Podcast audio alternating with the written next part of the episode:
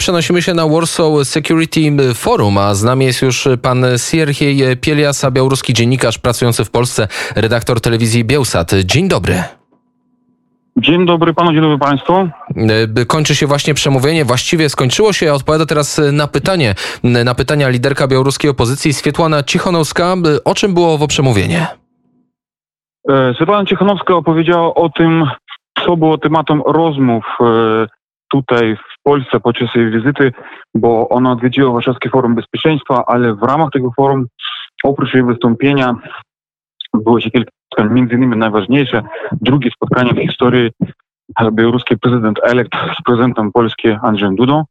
E, I my wiemy oficjalnie o tym, że między innymi na spotkaniu z polskim prezydentem białoruska liderka omawiała też wspólne działania dotyczące przeciwdziałaniu kryzysowi migracyjnemu, który wywołał reżim Łukaszenki. Także i teraz na konferencji prasowej i po niej odpowiadała na pytanie. W zasadzie te wszystkie pytania, które słyszałam, dwa pierwsze słyszałam, dotyczyły właśnie tego. No padały dziwne pytania dziennikarzy, na przykład co by Ciechomowska zalecała polskiemu rządowi, tak, jeśli chodzi o przeciwdziałania. Ona generalnie wspiera te działania, mówi o tym, że polski rząd wie, co robi, wspiera te działania i to nie jest dziwne. No przecież e, Łukaszenko wywołał kryzys migracyjny e, w pewnym sensie jako zemstę za to, że Polska tak mocno wspiera e, białoruskie społeczeństwo, które wybrało mm, w ubiegłym roku Cichanowską w swojej większości.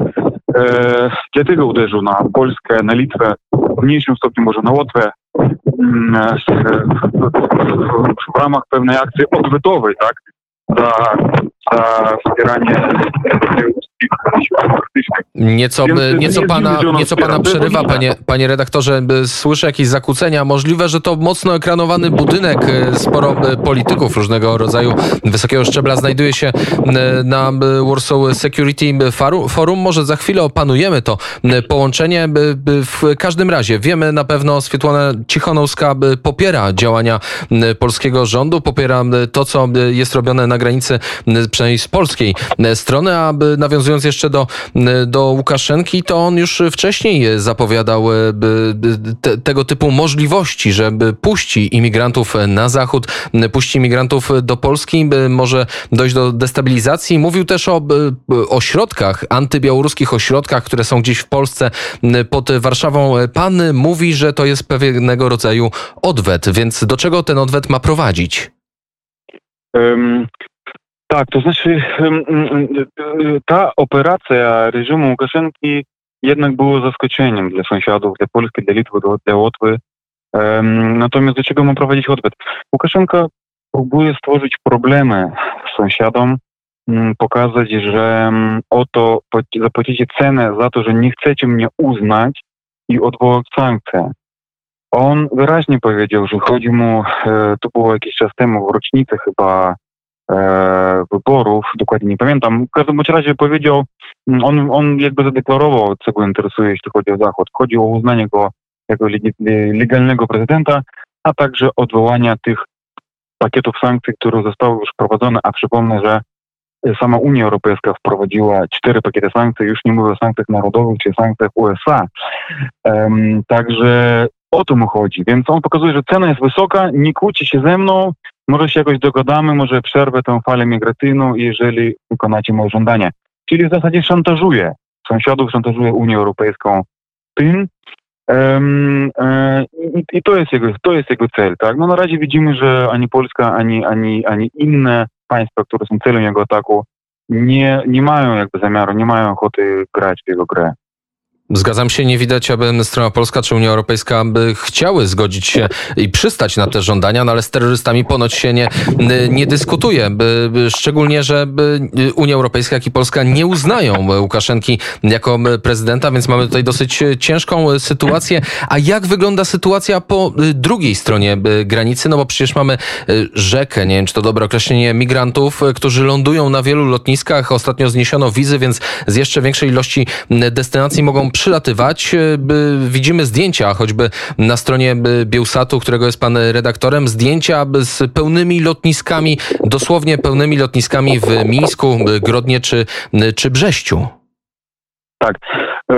Na Białorusi sytuacja coraz bardziej się komplikuje, ponieważ te rzesze migrantów, a mówi się o około 10 tysiącach, mm, te rzesze migrantów, które pojawiły się na Białorusi, nie mają jakby drogi ujścia na zachód, przynajmniej większość z nich, tak? Jeżeli mamy do czynienia z e, informacją o tym, że kilkaset osób co dobę próbuje przekroczyć granicę z Polską, 400-500 osób, tak? I tylko część z nich jest zatrzymywana, mała część, e, to oznacza, że większość wraca na Białoruś i później próbują jeszcze raz przekroczyć tę granicę, są przerzucani, przerzucani w inne miejsce, bądź na polskiej granicy, bądź na, bądź na litewskiej, ale najczęściej u styku z polską granicą w regionie e, suwalskiego, tam gdzie granica polska łączy się z litewską, obok Grodna, tam najczęściej przez litewską granicę próbują przekroczyć. Zbierają się na Białorusi, powodując problemy. Już Białorusini zaczynają mm, denerwować się tą sytuacją, że hotele są przepełnione przez kołasujących ludzi. Hotele, ale też dworce. Widzę zdjęcia koczujących dworce, ludzi na dworcach. Przejście podziemne. No, na Mińsku nigdy nie było obrazku śpiących w przejściu podziemnym E, w śpiworach ludzi, tak? To jest coś nowego w ogóle w całej historii jakby e, współczesnej Białorusi. No może w czasach II wojny światowej ktoś spał gdzieś na ulicy, prawda? Nie wiem, no trudno mi sobie wyobrazić sytuację, w której by ktoś spał na ulicy na Białorusi. Mimo wszystko. Więc e, no są bezdomni, ale tak, żeby kilka osób spało w śpiworze, w przejściu podziemnym, to nie są obrazki z Białorusi. To do Białorusi coś nowego, to jest coś, to jest dziwne, straszy, jakby denerwuje. No i napięcie w społeczeństwie rośnie, e, problemu, problem się nie rozwiązuje, mm, więc za chwilę uderzy w pewnym sensie bumerangiem w, w Łukaszenkę na terenie, na terenie Białorusi. Przez niezadowolenie społeczne. W takim razie krótki cytat z Bielsat TV od jednej z czytelniczek. Nie wyobrażacie sobie, co dzieje się na naszym lotnisku, a konkretnie w strefie tranzytowej. Tam trwa katastrofa. Nikt nie wie, gdzie patrzy szef lotniska.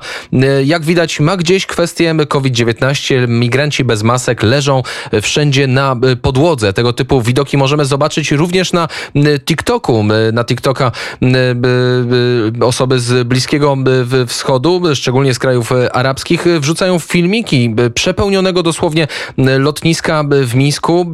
Ile aktualnie samolotów e, lata z kierunków południowych na Białoruś?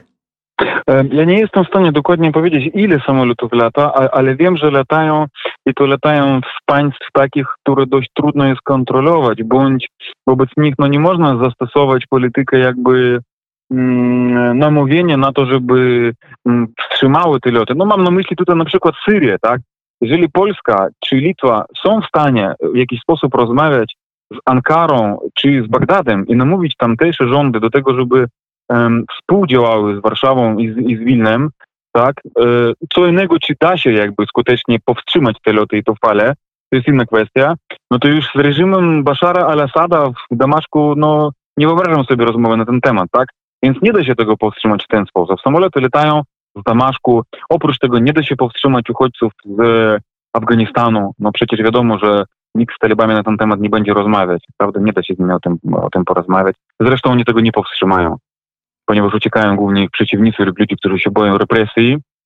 Więc moim zdaniem to, to jest jakby to jest kryzys, który będzie trwał. No i największe pytanie, czy zima, czy generał Mróz powstrzyma te fale.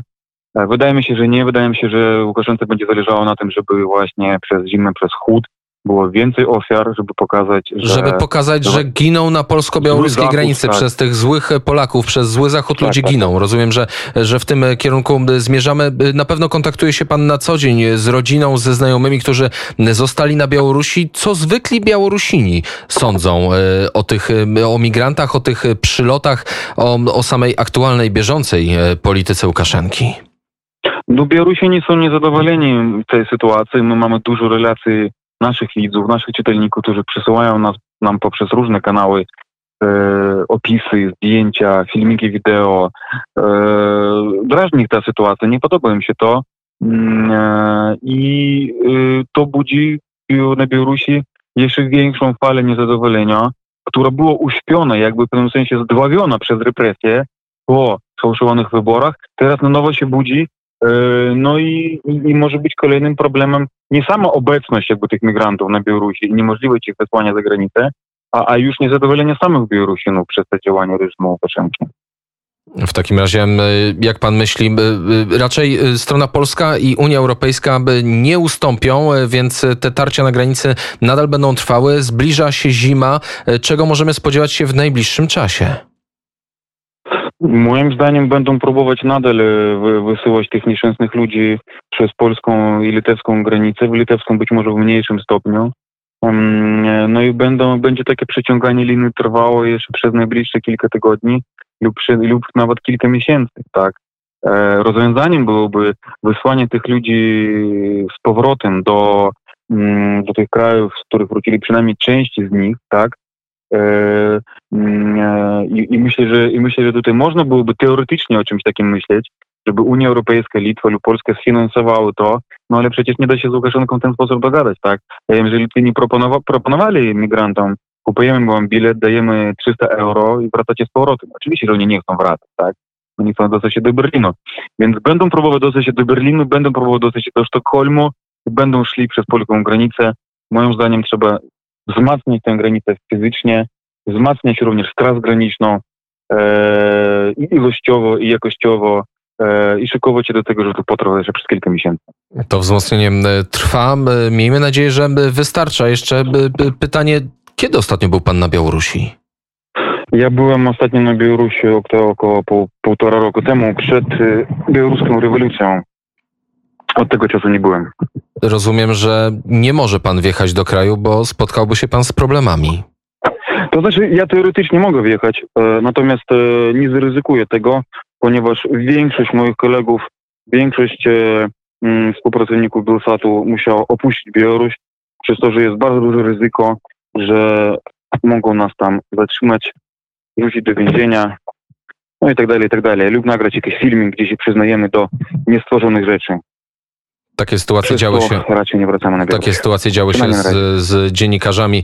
E, cały czas dziennikarze siedzą w aresztach, czy również członkowie Związku Polaków na Białorusi. E, tu stawiamy kropkę, bo wiem, że biegnie pan na kolejne panele i na kolejne rozmowy. Słyszę trzask drzwi.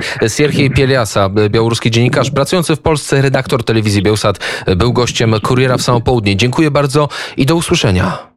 Dziękuję bardzo.